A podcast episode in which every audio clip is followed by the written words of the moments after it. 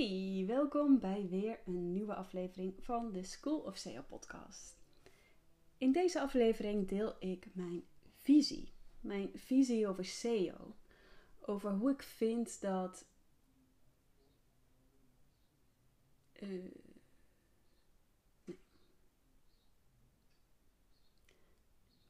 Over waar ik denk dat SEO heen gaat.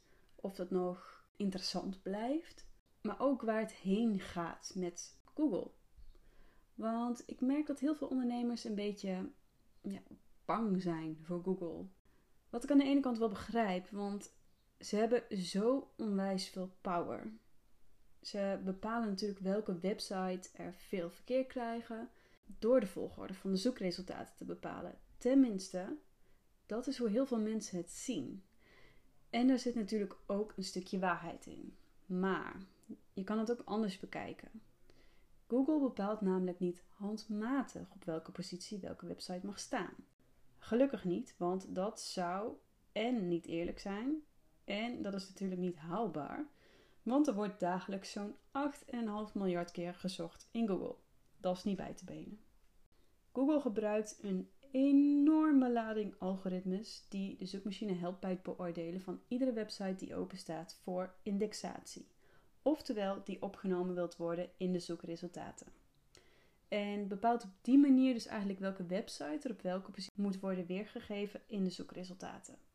Dus wanneer er gezocht wordt op bijvoorbeeld freelance SEO-specialist in de Nederlandstalige Google, worden alle websites die wat te melden hebben over dit onderwerp door een algoritme gegooid om zo te beoordelen welke website er het meest kwalitatieve en relevante antwoord geeft op dus de zoekvraag freelance SEO-specialist, oftewel wie is de beste freelance SEO-specialist in Nederland? SEO is dus voor iedereen. Begin direct met SEO zodra je een website hebt. Of je nu een blogger of een webshop-eigenaar bent of dienstverlener.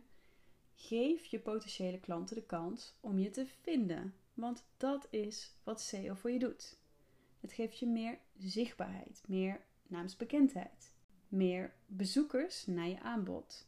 Meer klanten. Je website is belangrijker dan je denkt. Misschien focust je bedrijf zich veel op social media. En dat kan een hele slimme zet zijn als je doelgroep zich daar massaal bevindt.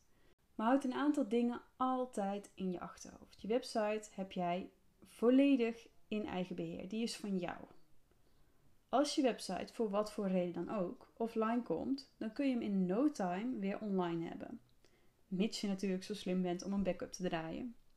En dit geldt niet voor je social media kanalen.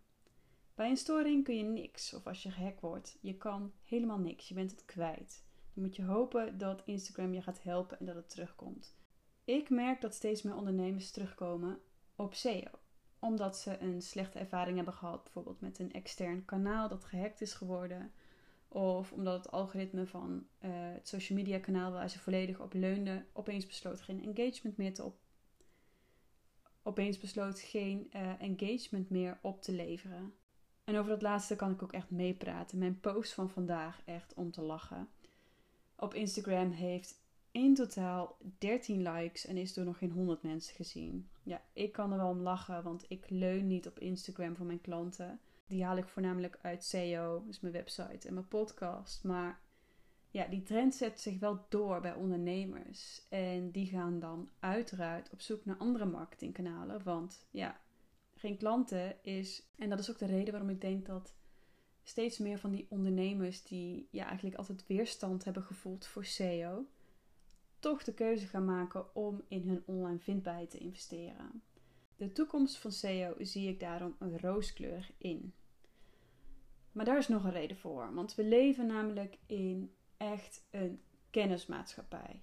Want eerlijk, hoe vaak per dag zeg jij: Wacht, ik google het wel even. Precies, meerdere keren per dag. Tijdens het Netflixen uh, wil je bijvoorbeeld weten waar je die acteur nog meer van kent. Want ja, komt je wel heel bekend voor, maar ja, waar was hij ook weer van? Tijdens het werken vraag je je af of je wel voldoende verdient ten opzichte van die andere collega. Even googlen dan toch. En terwijl je een verhaal aan het vertellen bent over een van je avontuurlijke reizen, weet je even niet meer hoe die berg heet die je beklommen hebt toen het 35 graden was. Even zoeken dan, heb je het antwoord zo binnen. We willen alles weten, pronto. Want alle kennis zit verstopt in dat apparaatje in onze broekzak. Of in je handtas waar je hem ook instopt. Je begrijpt wat ik bedoel. Doordat we altijd verbonden zijn met het internet, is onze drang naar kennis nog groter geworden. En dat geldt dus ook voor jouw perfecte doelgroep en de mijne. De perfecte doelgroep van iedereen bevindt zich in de zoekmachine. SEO is een van de weinige marketingkanalen waar alle doelgroepen zich bevinden. Want iedereen stelt vragen aan de zoekmachine. Niet iedereen zit op YouTube of Facebook of Instagram, maar wel in Google of een andere zoekmachine natuurlijk. SEO blijft nog heel lang bestaan. Nu wil ik nog kort wat vertellen over mijn visie over Google. Want ook al zijn er heel veel meer zoekmachines, Google is wel de belangrijkste speler, de grootste speler. En ik verwacht dat dat ook zo blijft. Maar waar werkt Google aan? Nou, ik denk dat niemand van mijn luisteraars behoefte heeft aan een heel lang technisch verhaal. Dus ik ga jullie vertellen over een paar SEO-trends die heel erg interessant zijn voor voornamelijk ondernemers in de komende jaren. Ten eerste, long-tail zoekwoorden. Dit zijn, ja, een beetje zoals de naam al zegt, lange zoekwoorden. En vaak eigenlijk volledige vragen. En dit maakt het zo interessant, want in de zoekresultaten heb je naast die 10 organische zoekresultaten ook een aantal featured snippets. Dit zijn kleine stukjes content die uitgelicht worden naast de normale 10 zoekresultaten. Misschien heb je hem al een keer voorbij zien komen, maar je hebt de mensen vragen ook box, of in het Engels de people also ask box. Hierin vind je een lijst met gerelateerde vragen over het onderwerp dat je gezocht hebt. Klik je op zo'n vraag, dan zie je het antwoord direct in de zoekmachine en zullen de gerelateerde vragen op de aangeklikte vraag vertoond worden. Nou, waarom doet Google dit? Omdat zij een streven hebben. Zoekmachinegebruikers zo snel mogelijk het beste antwoord geven op de gestelde zoekvraag. En dat is wat zij op deze manier kunnen doen, zonder dat er geklikt hoeft te worden naar een website. Naast deze featured snippets zijn er nog meer varianten. Dit zijn extra manieren om uitgelicht te worden op die eerste pagina van Google. Ik adviseer mijn klanten altijd om hierop in te zetten, omdat je hiermee nog doelgerichtere klanten kunt aantrekken. Op mijn blog vertel ik hoe je featured snippets kunt krijgen. Ik zal een link naar dat artikel in de beschrijving van deze podcast plaatsen. Dan kun je ermee aan de slag. Het is super interessant, echt voor iedere branche, voor ieder vakgebied is dit echt top. Ook is Google al een tijd bezig om de zoekresultaten nog kwalitatiever te maken. Ze ontwikkelen daarom algoritmes voor specifieke branches. En de meest bekende is de Medic Update. Dit was een Core Algorithm Update. Dat zijn de, de grote algoritme aanpassingen. Um, waarbij voornamelijk medische websites de pineut waren. Ja, wat er gebeurde, er werd onder andere gecheckt of medische content geschreven was door een daadwerkelijk medisch expert.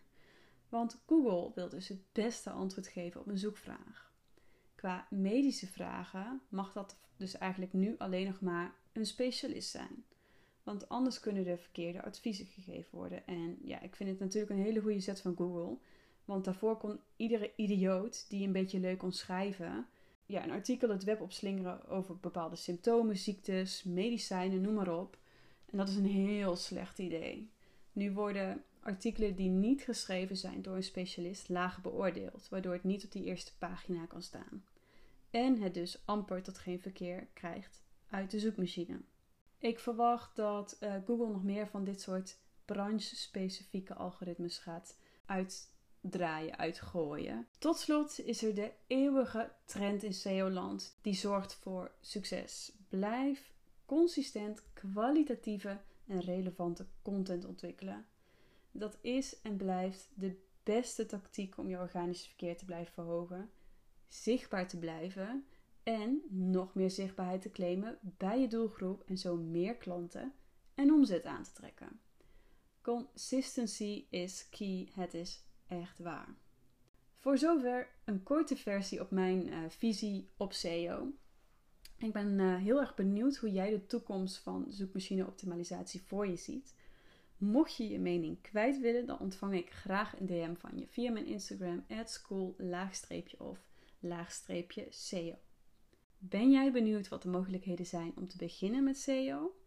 Ik bied gratis kennismakingsgesprekken aan waarbij ik met je meekijk naar je website en je vertel over de opties om het zelf op te pakken of om het uit te besteden.